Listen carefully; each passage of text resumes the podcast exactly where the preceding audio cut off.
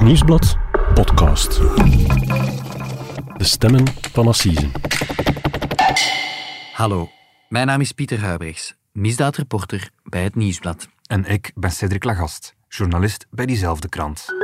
En dit is onze podcast De Stemmen van Assise, waarbij we voor elk belangrijk proces in een zaak duiken en u meenemen achter de schermen van de rechtszaal. En vandaag blikken we terug op een proces in Canada, waar een Belgische pater terecht stond in een van de grootste misbruikdossiers ooit.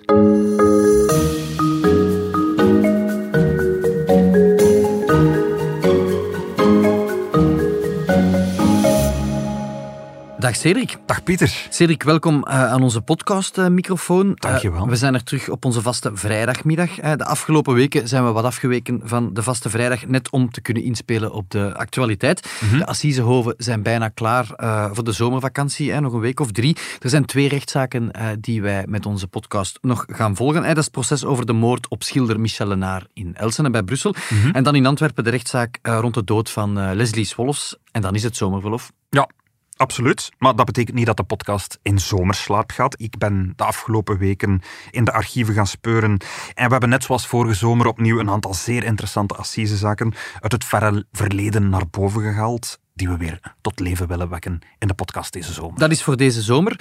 Deze week gaan we zowaar naar Canada voor een uh, proces dat nogthans al dateert van enkele jaren geleden, mm -hmm. maar plots weer uh, brandend actueel is. Een zaak die gaat over een Belg die daar terecht stond. Niet in België, wel in Canada. Ja, het gaat over uh, Erik de Jager. Hè. Dat is een, een Vlaamse pater op die in 2013 daar terecht stond. Uh, wegens grootschalig seksueel misbruik van kinderen. Het is misschien wel een van de grootste dossiers van seksueel misbruik dat we in ons land gekend hebben. Mm -hmm. Jij bent toen, herinner ik me nog, naar Canada getrokken om ja. die zaak uh, te onderzoeken. Ja, om dat proces te volgen, maar niet alleen om dat proces te volgen. Ik, ik ben ook naar het dorpje gereisd. Het is een eiland eigenlijk, uh, waar dat, dat allemaal gebeurd is, om te gaan praten met de mensen die de jager daar gekend hebben. Mm -hmm. En waarom eigenlijk? Wel, uh, omdat het zo'n omvangrijke zaak was, maar eigenlijk ook omdat de jager er alles aan gedaan heeft om dat allemaal verborgen te houden. Het gaat eigenlijk over een Belg, een Vlaming, die eigenlijk naar de andere kant van de wereld is gereisd om daar, ver van alle nieuwsgierige blikken, zijn misdaden te kunnen plegen. Een soort vlucht. Ja, net om te verhinderen dat mensen in België wisten wat hij mee bezig was. Uh, deed hij dat daar. En, en daarom ben ik daarheen gegaan, hè, om, om toch te weten wat een Belg daar eigenlijk had aangericht. Mm -hmm. Deze week kwam er nieuws vanuit Canada. De zaak is plots weer helemaal actueel. Ja, de jager is in de tijd tot 19 jaar cel veroordeeld. Um, ik loop er al een beetje op vooruit, maar bon, hij heeft, dat is de straf die hij heeft gekregen voor het kindermisbruik. Maar hij is uh, vorige maand eigenlijk, zeven jaar na de uitspraak van de rechter, al vervroegd vrijgelaten. Dat nieuws is nu bekend geraakt in Canada en dat heeft daar heel veel stof doen opwaaien. Je hoort hier bijvoorbeeld de reactie van de bevoegde Canadese minister Mark Miller op de vrijlating van de jager. You want my, my view on it, I think people like that should rot in jail. Um, and it's especially for the crimes they committed. Cedric, we moeten dus naar de andere kant van de wereld. Waar is dat dan precies waar Erik de Jager uh, zich had verstopt? Wel, dat is het uh, dorpje Igloolik. Dat, uh, we moeten daarvoor helemaal naar het noorden van Canada, boven de Noordpoolcirkel. Dat is Noordpoolgebied eigenlijk. En daar is een, een klein eilandje waarop dat een klein dorpje ligt. En daarop wonen de Inuit. Dat is de bevolking die wij soms verkeerdelijk de Eskimo's durven noemen. Want Eskimo, dat is eigenlijk een scheldwoord. Ik, heb het er met hen over gehad. En ze worden niet graag Eskimo genoemd. Ze noemen zichzelf de Inuit, wat mm -hmm. de mens betekent. En iglo bijvoorbeeld, uh, dat komt wel uit de Inuit-taal, dat betekent huis. En iglolik wil dus niet meer zeggen dat als de plek waar huizen staan. Ja, klinkt als een extreem afgelegen plek. En dat is nu net de plek waar die Erik de Jager naartoe trekt. Ja, hij is daar in 1978 toegekomen. En in dat kleine dorpje zagen ze daar plots een, een, een zeer vreemde man opduiken. De eerste Belg die daar neerstrijkt. Absoluut, ja. Het, het, was op dat moment een dorpje waar zo'n 800 mensen in kleine houten huisjes uh, rond een kerkje wonen. Dus als daar iemand nieuw toe komt, uh, dat valt onmiddellijk op. En zeker ook als hij eruit zag zoals de jager. Je hebt misschien zijn foto al gezien hoe hij er toen uitzag. Hij had lang haar, een woeste baard en ook een bril met donkere zonneglazen. Uh, uh, een zonnebril eigenlijk. Uh, en ook, um, Igloolik, dat is een plek die met sneeuw en ijs bedekt is in de winter. Ik kom daartoe in september in een dunne jeansbroek. En ik kan je zeggen, als je daar in een jeansbroek rondloopt, dat is een slecht idee, want het is daar echt ijskoud. En wat kwam onze Vlaamse pater daar precies doen? Wel, hij was een missionaris hè, van de katholieke kerk. Ik kwam zieltjes winnen, zoals ze dat noemen. Hij moest de Inuit bekeren tot het katholieke geloof. Hij behoorde tot de orde van de paters oblaten van de onbevlekte maagd Maria. Dat is een hele hap. Zo heten ze voluit, ja. Voilà. Het is een van oorsprong Franse orde eigenlijk, maar die ook in, in ons land een aantal vestigingen heeft, onder meer in Blanden en in de Pannen. In Blanden bij Leuven. Hè? Ja, voilà. De jager was een West-Vlaming, eh, is daar in, in ingetreden eh, in de Pannen en is uiteindelijk naar Canada gestuurd. Er was al een priester in Igloolik eigenlijk, een Fransman, maar die had het heel druk. Die moest ook in de dorpen daar rond eh, zieltjes winnen. En eigenlijk hadden ze van bovenaf beslist, die Franse priester die kan zich beter op een aantal andere dorpen concentreren. En Pater de Jager, die moet het gaan klaren in Igloolik. Mhm. En zat de lokale bevolking daar op onze Vlaamse man te wachten? Ik heb met verschillende mensen gesproken die nog weten hoe hij daar is toegekomen. En eigenlijk wel, ze waren blij dat hij daar aankwam. Ik heb onder meer met een vrouw gesproken die in der tijd in de parochie hielp, zullen we maar zeggen. Ze hielp in de kerk. En, en ze vond hem eigenlijk een heel vriendelijke, behulpzame man. En ja, ze waren blij dat er iemand nieuw in het dorp kwam wonen. Het was eigenlijk een zeer open gemeenschap. En, en zeker iemand die eigenlijk kwam helpen, hè, want met die boodschap kwam hij zich presenteren. Maar wat wel vreemd was, is dat hij weigerde om Inuktitut te leren. Dat is eigenlijk de taal van de Inuit. Dat Mhm. vonden ze wel raar. Welke indruk had jij zelf van dat eh, afgelegen dorp? Pff, het is een ongelofelijke plek. Hè. En Tijdens de zomer is eigenlijk het leven daar vrij mild. Dan smelt de sneeuw zo'n klein beetje. Maar ik was daar in november. Dan is het eigenlijk al putje winter. IJskoud. ijskoud. Igloolik is op dat moment zelf geen eiland niet meer, ehm, want de zee bevriest. Dat wordt eigenlijk een dorpje in een soort van sneeuwwoestijn. En vroeger waren de Inuit een, een rondtrekkend volk, maar bon, in de vorige eeuw hebben ze zich langzaam gevestigd, hebben ze zich in dorpjes gevestigd. Igloolik was een van die dorpjes waar ze kwamen wonen. Ze woonden toen nog in houten huisjes. Vandaag zijn dat al meer geriefelijke, moderne bungalows, zou je kunnen zeggen. Ze wonen niet, niet in iglo's uiteraard, maar ze weten wel nog hoe ze die moeten bouwen. Want ik ben op een keer ook met hen de sneeuwvlakte ingetrokken en toen hebben ze mij getoond hoe je zo'n eh, gigantische igloo kan bouwen eigenlijk.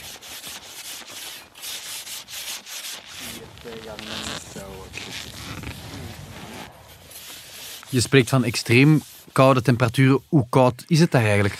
Wel, toen ik daar was, was het min 20 ongeveer. Maar echt, januari, het, echt het, hart van de winter, dat, dat wordt daar echt min 35. Ehm, gevoelstemperatuur kan dan nog een stukje lager liggen. En de zee bevriest dus, zoals gezegd. En, en dat brengt ook andere problemen met zich mee. B- er is bijvoorbeeld dan iemand die constant de horizon in de gaten moet houden.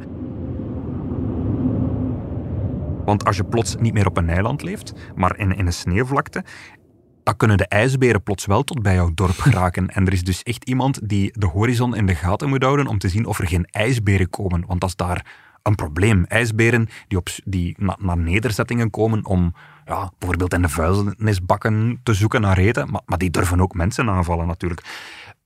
Ik was daarvan onder de indruk. Ik was daar niet echt gerust op. Maar eigenlijk de mensen die daar leven, die zijn daarmee gewoon. Ik heb It's part of life. ik heb daar bijvoorbeeld met een 64-jarige vrouw gesproken, eh, die net terugkwam van een week kamperen. Die was met haar tent en haar eentje daar in de sneeuwvlakte gaan, gaan kamperen. En die zei, oh ja, die ijsberen, mijn geweer is altijd paraat. Terug naar de jager. Die strijkt daar neer in 1978. Ja. Zei al, hoe, hoeveel jaren heeft hij daar verbleven? Heeft, hij heeft daar uiteindelijk vier jaar gewoond. En volgens de aanklacht van het Canadese gerecht zou hij in die tijd 39 mensen misbruikt hebben. Dat is Ah. heel veel. Ja, vooral kinderen, jongens en meisjes, maar ook volwassen vrouwen van 18, 19 jaar. Het gaat uiteindelijk om 50 aanrandingen en 11 verkrachtingen. En volgens de aanklacht zou hij ook vier honden hebben aangerand. En de, de uitleg daarbij is dat hij die honden ook misbruikte en dat eigenlijk zijn slachtoffers moesten toekijken hoe dat hij dat deed. Mhm. ik, ehm, ik stel me dat dorp voor, zoals je het schetst, als een plek waar iedereen elkaar kent hè, en, en ziet wat er gebeurt. Ja, Hoe slaagt zo iemand dan eigenlijk, een, een vreemde die daar komt wonen, erin om, om zoveel slachtoffers te maken in een, in een besloten gemeenschap? Ja, hij had als pater dus eigenlijk toch ook een zekere autoriteit.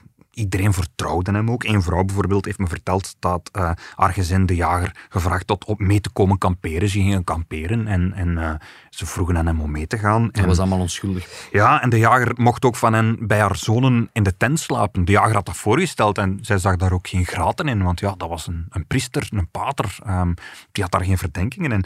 Maar het meeste misbruik gebeurde natuurlijk eh, binnen in de huizen. Achter de gesloten deuren en, en, en de gordijntjes. Je moet beseffen, Pieter, het, het, wordt daar min 35 graden in de winter. Het leven speelt zich daar niet af op straat. Het leven speelt zich echt af um, achter de gevels, in de huizen. En um, ja, de jager uh, vroeg eigenlijk dat de kinderen na schooltijd naar zijn parochiehuis zouden komen. Waarom? Om te studeren? Of? Ja, hij beloofde dat hij hen zou helpen met hun huiswerk. Um, hij vroeg ook aan die kinderen om andere vriendjes mee te brengen. Hij vroeg ook dat ze hem zouden helpen met parochiewerk. Nu, hij lokte hen ook met eten. In de winter, min 35 graden, daar is niet zo heel veel voedsel. Zeker niet in die tijd. En hij lokte hen eigenlijk met eten. Hij beloofde, je, kan, je zult bij mij kunnen eten. En natuurlijk, ja, die kinderen uh, die gingen daarop in. Mm -hmm. En die mensen in dat Inuit-dorp, hadden die dan niets door? Nee, een moeder heeft me verteld ja, ik dacht eigenlijk dat er niks slechts kon gebeuren, want hij was toch priester. Priesters ja. zijn goed. Ja, ze hadden nog meer dan in, in, Vlaanderen waren dat mensen die vertrouwen hadden in pastoors en priesters, want dat waren mensen die de hele wereld waren overgetrokken, die naar de andere kant van de wereld waren gereisd om anderen te helpen, om anderen over God te vertellen, over Jezus te vertellen. Dus bo, dat waren mensen waarvan dat je verwachtte dat die het, het goed meenden. En ik, ik heb ook met, een, met die andere Franse priester gesproken, die ook regelmatig in Igluli kwam, en hij zei ook, ja, ik heb nooit niks vreemds gemerkt. Mm -hmm.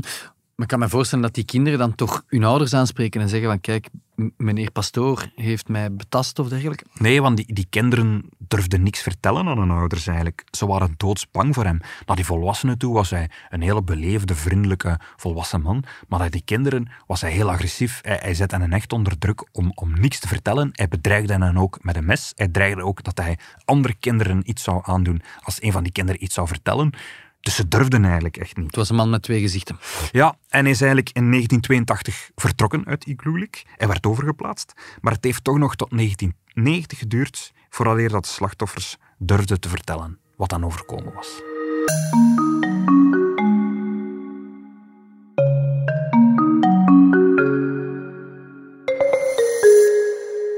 Dus we zitten hier met een, uh, een, Vlaamse priester die op amper vier jaar tijd 38 jongens en meisjes misbruikt en honden, uh, zoals je zegt. Mm -hmm. Wie is die man? Wel, Erik de Jager is een Vlaming, zoals gezegd. Een West-Vlaming. Is afkomstig uit Roeselare. Hij is uh, daarop gegroeid met vier broers en zussen. Hij heeft in Roeselare ook in de jeugdbeweging gezeten. Hij was eerst elektricien. Hij is naar school geweest. Hij, heeft een tijdje gewerkt als elektricien. Maar uh, in 1968 heeft hij als 21-jarige zijn roeping gekregen. En hij is eigenlijk een, uh, een priesteropleiding begonnen bij de Patersoblaten. Nu, wat dat we daarvan weten, uh, is, is dat het toen eigenlijk al duidelijk werd dat hij niet zo heel sterk was in, in theologische studies. Hij was niet de meest filosofische man, de meest bevlogen man. Maar bon, de Patersoblaten hebben hem niet echt aan de deur gezet. Hij, hij, hij, bleef welkom en zelfs vijf jaar later, in 1973, wordt hij naar Canada uitgestuurd om daar in een seminarie zijn religieuze opleiding te vervolmaken. En uiteindelijk, nog eens vijf jaar later, duikt hij op in Iglulik als missionaris. Mm -hmm. Hij heeft vier jaar in dat dorp geleefd, van 1978 tot 1982. Ja. Wat is de reden dat hij daar moet vertrekken? Wel, hij wordt overgeplaatst niet omwille van het seksueel misbruik, zoals je zou kunnen denken, maar omdat hij geen Inuktitut wilde leren. We hebben dat al gezegd, de bevolking vond dat ook raar. Hij wilde de lokale taal niet leren.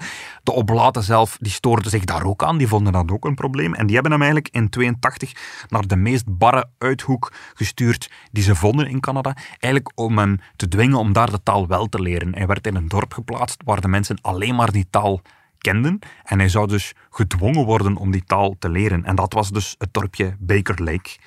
Maar daar deed hij eigenlijk gewoon verder eigenlijk. Ook daar um, zou hij zich aan kinderen vergrijpen. En dat gebeurt daar allemaal onder de radar ook? Ja, aanvankelijk wel.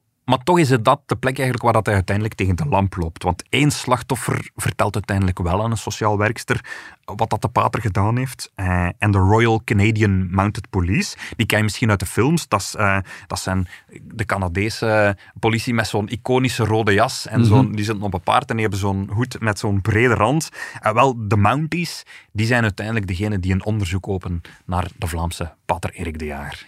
En wordt hij voor die feiten dan veroordeeld? Ja, de jager wordt opgepakt en hij biecht uiteindelijk het misbruik van negen minderjarige kindjes in Baker Lake op en heeft daar in 1990 uh, vijf jaar cel voor gekregen. Op dat proces wordt ook duidelijk dat hij in 1986 zelf een tijdje naar België is teruggekeerd om zijn familie te bezoeken, om de paters Oblaten hier te bezoeken. En dat hij zelf een Inuit jongen heeft meegebracht naar België, een minderjarige jongen. En waarom deed hij dat? Ja, dat was zo gezegd een beetje een beloning voor die jongen. Maar bon, achteraf gezien kunnen er toch vragen bij stellen dat die jongen misschien om andere redenen mee moest. En ik heb ooit met een van de paters Oblaten hier in België daarover gesproken. En die bevestigde dat. Die zei, ja, ja inderdaad, hier is een, een Eskimootje. Want dat woord gebruikt werd dat gezegd. Hier is een Eskimootje met hem, met hem meegereisd. En, en, en dat was voor hen blijkbaar ook heel bijzonder. Maar die stelde zich daar ook geen vragen bij waarom dat er een minderjarige jongen met die pater mee moest komen naar België. Nu hij is uiteindelijk veroordeeld voor het misbruik in Baker Lake. En een jaar later is hij nog eens veroordeeld voor het misbruik van nog eens twee meisjes, ook uit Baker Lake. Maar hij heeft geen bijkomende straf gekregen. Die twee, dat is allemaal opgeslorpt eigenlijk. Hij heeft uiteindelijk vijf jaar cel gekregen voor alles wat in Baker Lake gebeurd is. Mhm. Dus er waren al twee veroordelingen. Ja. En van die vijf jaar heeft hij in Canada in totaal 18 maanden uitgezeten. Na die 18 maanden wordt hij vrijgelaten en ik keer terug naar België. Maar door zijn veroordeling in Baker Lake is de bal wel helemaal aan het rollen gegaan natuurlijk. Zijn veroordeling staat in alle Canadese kranten. Die artikels worden ook in Igloolik gelezen. En daar zijn er uiteindelijk toch een paar slachtoffers die aan hun ouders durven vertellen wat er in der tijd gebeurd is. Ze zijn ondertussen volwassen en in eerste instantie zijn er zes slachtoffers die naar de politie stappen en zeggen wij zijn ook slachtoffer van Erik de Jager. Waarop de jager snel wordt opgepakt, neem ik aan.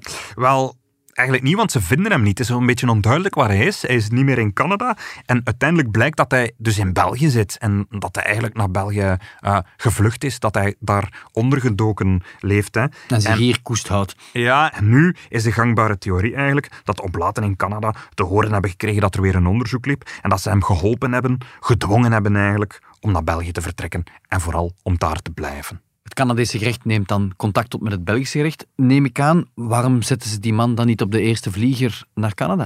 Dat is niet zo simpel. Uh, België levert geen Belgen uit aan Canada om daar vervolgd te worden. Dat heeft niks te maken met het beschermen van de jager of met een zekere sympathie voor de kerk of zo. Nee, het is gewoon de wet. België mag geen onderdanen uitleveren. Zelfs niet als ze die misdaden afkeurt. En dus kan de jager eigenlijk 15 jaar ongestoord in België leven. Hè. Hij leeft in een klooster in, in, Blanden. Hij wordt zelf even naar Lourdes overgeplaatst en hij, werkt daar als, als, als uh, voor de oblaten, begeleidt hij daar Belgen die op bedevaart gaan naar de Lourdesgrot.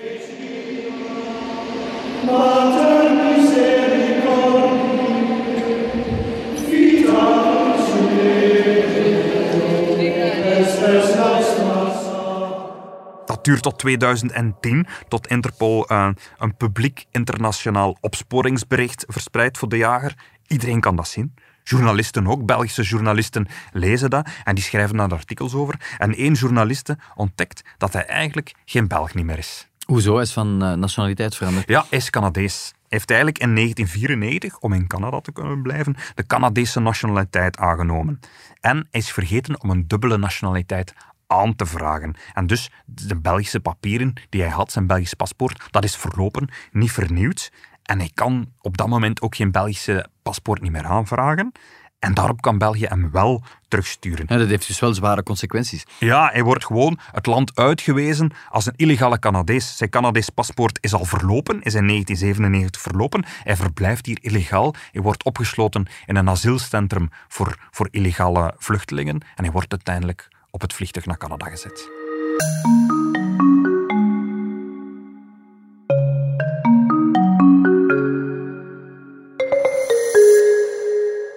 De Roeselaarse pater Erik de Jager is in Canada schuldig bevonden aan 24 feiten van seksueel misbruik van Eskimo-kinderen.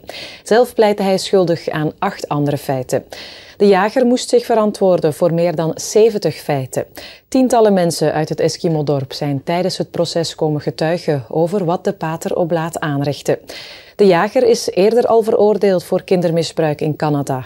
Hij vluchtte toen naar ons land, waar hij onderdook bij de Paters Oblaten. We horen hier een fragment van onze West-Vlaamse collega's van Focus WTV. Cedric, jij bent dus naar Canada gereisd om dat uh, zware misbruikproces uh, te volgen voor de krant. Mhm. In november 2013 was dat. Ja. Welke indruk maakte onze Belgische pater? Wel, hij was toen 66 jaar en hij was een kleine, schrille man geworden eigenlijk. Hè. Jarenlang had zijn foto hier bij ons in de kranten gestaan. Die bekende foto uh, met zijn donkere zonnebril en zijn forse baard. Uh, daar hij totaal niet meer op.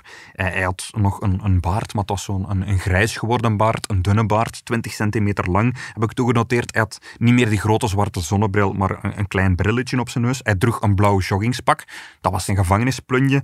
En uh, hij was bijna kaal, maar hij was wel heel alert. Hij volgde heel aandachtig dat proces. Hij zei niks, hij heeft geen enkele keer een verklaring afgelegd, maar hij keek wel alle getuigen recht in de ogen. Want zijn verdediging was, dit is hier allemaal niet waar. Hij eiste zelf ook dat de getuigen hem zelf recht zouden aankijken als ze hun verhaal deden. En dat ze niet met een rug naar hem zouden zitten, maar dat ze hem recht in de ogen zouden kijken. Om, om zijn macht nog te kunnen etaleren? Ik vermoed het. Nu, zijn advocaat heeft dat toen gevraagd. De eerste, die mensen die binnenkwamen, die waren redelijk onder de indruk. Die, die, uh, Je zou verminderen. Ja, die, die kwamen dan niet graag. En die, die zaten met een rug naar, naar hem en die keken naar de aanklager. En na die eerste getuigenis heeft zijn advocaat gevraagd van ja, kijk, die mensen komen hem hier betichten van van alles. Uh, wij bestrijden dat. We willen, als ze dat hier recht komen zeggen, dat ze hem recht in de ogen kijken en het hem recht zeggen. Ja, is dat op zijn recht te gebruiken? Is dat ook om hem een beetje te intimideren? Te intimideren. Kan alle kanten. De rechter heeft uiteindelijk voor de gulden middenweg gekozen. Hij, hij moest recht voor zich uitkijken. Niet naar de aanklager, ook niet naar de jager, maar gewoon recht vooruit. Naar de mm -hmm. voorzitter. Een van de grootste processen uh, in Canada dat jaar. Denk ik, is dat een assiseproces zoals hier? Nee, dat had gekund, maar het is toch een proces met een beroepsrechter geworden. Uh, in, in Canada bestaat die mogelijkheid voor een proces met een volksjury, maar het, het wordt een beroepsrechter.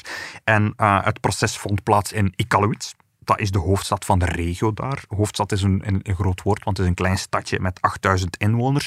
Het ligt op ongeveer 800 kilometer van Igloolik. En dat betekent eigenlijk dat de 38 slachtoffers, die één voor één moesten komen getuigen, dat die allemaal met het vliegtuig één voor één moesten worden overgevlogen naar de grote stad. En daar door justitie eigenlijk um, ook in een hotel werden nog gebracht en één voor één moesten komen getuigen op dat proces.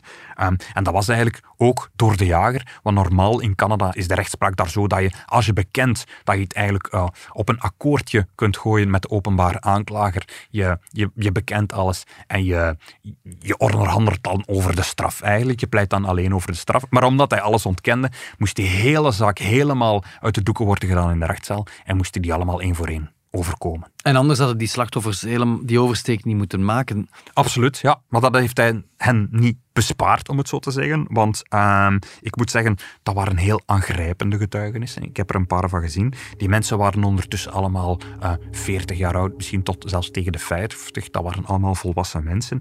Maar als ze daar moesten vertellen wat de jager hen had aangedaan, dan huilden ze daar echt. Dat, dat, dat was dat echt niet met tranen in de ogen, maar echt, echt huilen. En ze vertelden ook heel stil hoe de jager hen in der tijd had, had betast of nog veel verder had gegaan. Uh, ze werden vaak ook gedrogeerd. Een vrouw vertelde hoe de jager haar als kleinkind in een bevroren rivier had gegooid. En eh, ja, dat ze daar eigenlijk had moeten sterven in dat ijskoude water. En dat ze eigenlijk nog maar net op het nippertje gered werd door een andere vrouw die daar toevallig voorbij kwam. En allemaal één voor één vertelde ze eigenlijk ook dat dat heel hun leven had beïnvloed. Dat tot op het moment dat ze daar zaten, dat ze daar nog altijd een invloed van voelden. Welke straf moet je zo'n ja, monster is misschien een, een, een te sterk woord, maar zo'n figuur, wat voor, voor, een straf moet je zo iemand opleggen? Ja, dat was ook een beetje de inzet van het proces natuurlijk. En het Canadese gerecht had 76 inbreuken vastgesteld die de jager had gepleegd. En op elk van die 76 aanklachten probeerde de aanklager telkens een celstraf te plakken. En als je dat allemaal achter elkaar optelde, kwam je uiteindelijk aan een theoretische strafvordering van 79 jaar. Nu natuurlijk 79 jaar celstraf, dat wordt ook in Canada niet uitgesproken. Um, maar hij deed dat toch gewoon om even duidelijk te maken hoe zwaar de feiten waren.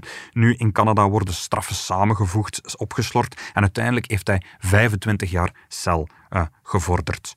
Nu, er waren volgens de aanklacht van het Canadese gerecht 39 slachtoffers. De jager is uiteindelijk schuldig bevonden aan het misbruik van 23 van die slachtoffers. En de rechter heeft 19 jaar cel uitgesproken tegen hem. En dat is gebeurd in februari 2015. Mm -hmm. En daarmee was de zaak afgerond? Helaas, nee. Um, er is nog een dossier tegen hem opgedoken. Hè. We hadden al het dossier van in Baker Lake. Uh, het, dossier in Igloolik is onmiskenbaar het grootste, waar de meeste feiten en de zwaarste feiten zijn gebeurd. Maar daarvoor uh, volgde hij les aan het seminarie in Edmonton in Canada tussen 1973 en 1977. En ook daar heeft hij zich vergrepen aan een jongen en aan een meisje. Hij is daarvoor ook nog eens voor de rechter gekomen en hij werd daarvoor veroordeeld tot vijf jaar cel.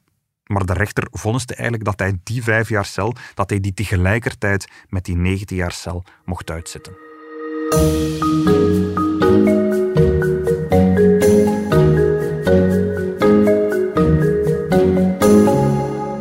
Na negen jaar gevangenis komt de oudpriester al vrij omdat hij ook al twee jaar in voorhechtenis zat. Aan zijn vrijlating zijn wel een aantal voorwaarden verbonden. Zo mag hij geen contact meer hebben met kinderen en moet hij elke avond slapen in een opvangcentrum. Hij wil graag terugkeren naar de paters op. Het is niet helemaal duidelijk of dat over de orde in Blande gaat of één in Canada. Hoe dan ook, naar de oblaten mag hij niet, omdat de kans bestaat dat daar kinderen over de vloer komen. De paters oblaten uit Blande laat in elk geval aan onze redactie weten geen contact meer met de man te hebben. We horen hier een eh, fragment van onze collega's eh, uit Vlaams-Brabant van ROB-TV. Eh, Cedric, misschien even recapituleren. Ik tel samen dus vier veroordelingen uh, voor het seksueel misbruik van in totaal 36 slachtoffers. Ja. Um, ehm, 19 jaar cel die hij heeft gekregen, um, die heeft hij nog helemaal niet uitgezeten. Leg ons eens uit hoe het komt dat hij alweer op vrije voeten is. Wel, eerst en vooral, hij heeft in 2015 um, is hij veroordeeld tot 19 jaar cel. Maar eigenlijk moest hij op dat moment nog maar 11 jaar cel uitzitten. Want het is zo, hij zat vier jaar in, in voorhechtenis. In Canada is het zo dat die voorhechtenis dubbel telt. Dus die vier jaar die hij had uitgezeten, dat werd acht jaar en dat werd daarvan afgetrokken. Dus 19 min 8 is 11. Waarom is dat zo? Um, dat is eigenlijk een manier om het gerecht een beetje aan te manen tot spoed. Om, een, om iemand die in voorhechtenis te zit, om die daar niet te lang te laten zitten, maar om uh, voor te maken met zijn proces. Dus elf jaar uitzitten. Ja, en van die elf jaar heeft hij nu twee derde uitgezeten. Hè. En hij is naar een parole board gestapt. Dat is een beetje vergelijkbaar met wat bij ons een strafuitvoeringsrechtbank doet. En die heeft onlangs op 19 mei geoordeeld dat de jager voorwaardelijk kan vrijkomen hij moet zich wel aan een aantal voorwaarden houden, natuurlijk. Hij mag geen contact hebben met kinderen of met zijn slachtoffers. Dat lijkt me nogal evident. Ja, hij moet zich ook laten behandelen voor zijn seksuele stoornis. En hij moet in een opvanghuis verblijven. En hij, hij moet zich ook aan een avondklok houden. Dat wil zeggen, hij moet elke avond op tijd binnen zijn en hij moet ook in dat opvangtehuis uh, blijven slapen. Dat laatste is natuurlijk een maatregel, omdat hij ooit uit Canada gevlucht is. Dat hij toen 15 jaar in, in België ondergedoken heeft gezeten. Um, en boven die maatregelen zouden duren tot 2026, tot zijn straf eigenlijk helemaal is uitgezeten. Mhm. En hoe oud is de jager nu? Hij is nu 75 jaar. En dat opvangtehuis ligt in Canada? Dat is in Canada, want hij mag de komende jaren Canada ook niet verlaten. Ik heb een kopie gekregen uh, van dat Canadese vonnis, maar daarin is het, uh, uh, het adres van dat opvangtehuis weggelaten. En opvallend ook, hij krijgt nog altijd de steun van zijn congregatie van de Oblaten. Want net zoals in België moet je eigenlijk een dossier indienen als je wil vrijkomen. Je moet uitleggen wat je wil gaan doen. Je moet ook uitleggen waar dat je zult verblijven. En zijn eerste idee was eigenlijk dat hij bij de Oblaten in Canada zou verblijven. Want uh, zij wilden hem op opvangen daar. Er zat ook een brief bij van de oblaten die zeiden dat ze hem onderdak wilden verleden. Maar dat is uiteindelijk geweigerd door de rechter, omdat dat een plek is waar blijkbaar ook soms kinderen verblijven. Ook kinderen op vakantie komen of komen logeren voor vakantiekampjes. Wat, hoe helemaal is niet erg duidelijk. Maar bon. De laatste plek waar je zo iemand naartoe voilà, moet En het ligt blijkbaar ook tegenover een park waar heel veel kinderen spelen. Uh, met een speeltuintje, stel ik me dan voor. Ook dat vond de rechter uh, een heel slecht idee om daar een, uh, een onder te brengen. blijkbaar hadden de oblaten daar ook geen rekening mee gehouden. Dat is heel opvallend wat je stelt, Cedric. De oblaten hebben hem, ondanks al dat decennia lange misbruik, uh, nooit laten vallen. Nee, en dat is opvallend, want uh, de katholieke kerk zelf heeft in 2011 eigenlijk laten weten dat hij ontslagen werd door de paus. En, en, volgens de Belgische bisschoppen is hij nu een gewone burger. Hij kan geen loon niet meer krijgen van de kerk, hij kan ook geen onderdak niet meer krijgen. Maar de oblaten zelf, dat is dus een congregatie, die hebben hem niet laten vallen. Hij is volgens hen nu een broeder en zij blijven hem wel steunen. Hij blijft lid van hun club. En de oblaten hebben ondertussen ook in een persbericht laten weten dat ze in de toekomst de jager misschien wel nog zullen onderdak geven. Als zijn voorwaarden wegvallen, als hij dus niet meer in dat opvangtehuis moet, uh, moet blijven, is hij wel nog altijd welkom. En de reden daarvan, zeggen ze, is om zeker te zijn dat hij niet hervalt. Ze zeggen dat ze hem nu in de gaten willen houden en zeker willen zijn dat hij geen foute dingen niet meer doet. En hoe schat die, eh, die Canadese strafuitvoeringsrechtbank dat gevaar op recidieven dat hij hervalt eigenlijk in? Wel, daar wordt heel ehm, diep op ingegaan in dat arrest, in dat vonnis ook van die Canadese rechter. Hij heeft tijdens zijn gevangenis een viertal uh, programs gevolgd. Dat zijn een soort um, ja, therapieën, denk ik, uh, om aan zijn uh, seksuele problematiek te werken. Een van die uh, programs stelt 108 sessies, dus het is, iets, het, is, het is wel serieus genomen. Ik denk dat het wel iets is dat serieus wordt genomen. En, en volgens het arrest van de rechtbank is zijn toestand ook wel verbeterd. Het, het wordt ergens neergezet als hij heeft een beperkt aantal stappen vooruitgezet om zijn risico tot hervallen aan te pakken. Maar hij blijft de verantwoordelijkheid voor veel van zijn misdaden wel ontkennen. Kan hij in de toekomst nog naar België komen? Wel, hij heeft hier nog familie. Hij heeft zeker nog één zus die hem steunt, zo blijkt uit het vonnis. Maar hij is nu dus Canadees, hè. hij kan niet zomaar terugkeren. In principe mag hij uh, hier als toerist naartoe, kan hij hier 90 dagen verblijven. En als hij langer wil blijven, zal hij een visum moeten aanvragen. Mm wat ik mij nog afvraag, Cedric, um, als je heel dat relaas doet van al die tientallen feiten gedurende al die jaren in Canada, is er eigenlijk in België nooit onderzoek verricht naar zijn uh, mogelijke uh, misdaden? Of hij hier gelijkaardige feiten heeft gepleegd. Wel, da daar is heel veel over gespeculeerd in het verleden. Daar is heel veel over, uh, over nagedacht.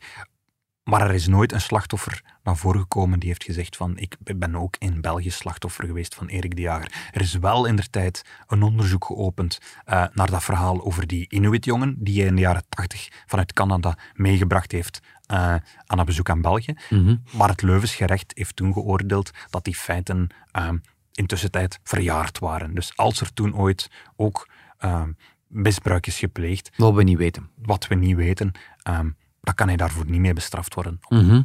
Cedric, bedankt om dit uh, onwaarschijnlijke verhaal hier te komen vertellen in onze uh, podcaststudio op Linkeroever. Beetje een ondergesneeuwd verhaal, uh, maar zeer zware misdaden natuurlijk. Zoals gezegd, er lopen momenteel nog twee Assisezaken in Brussel en in Antwerpen. Ja. die volgen we op ons Instagram-kanaal De Stemmen van Assise. En op de site en op de app. -hmm. Zeker eens checken allemaal. Volgende week hebben we nog één aflevering voor de zomer. En daarvoor gaan we terug naar Parijs, waar het proces van de aanslagen in 2015 afloopt. Ja. De aanslagen op de Bataclan. En de Stade de France en, en de vele terrassen al daar. -hmm. En de plek waar onder meer uh, Salah Abdeslam terecht stond. Tot volgende week. Dit was De Stemmen van Assise, een podcast van het Nieuwsblad. De stemmen waren deze week van Pieter Huibrechts en van mezelf, Cedric Lagast. Onze dank gaat uit naar ROB-TV en Focus WTV voor het gebruik van enkele audiofragmenten. De montage gebeurde door Benjamin Hertogs van House of Media en de productie was in goede handen bij Bert Heijvaart en Joni Keimolen.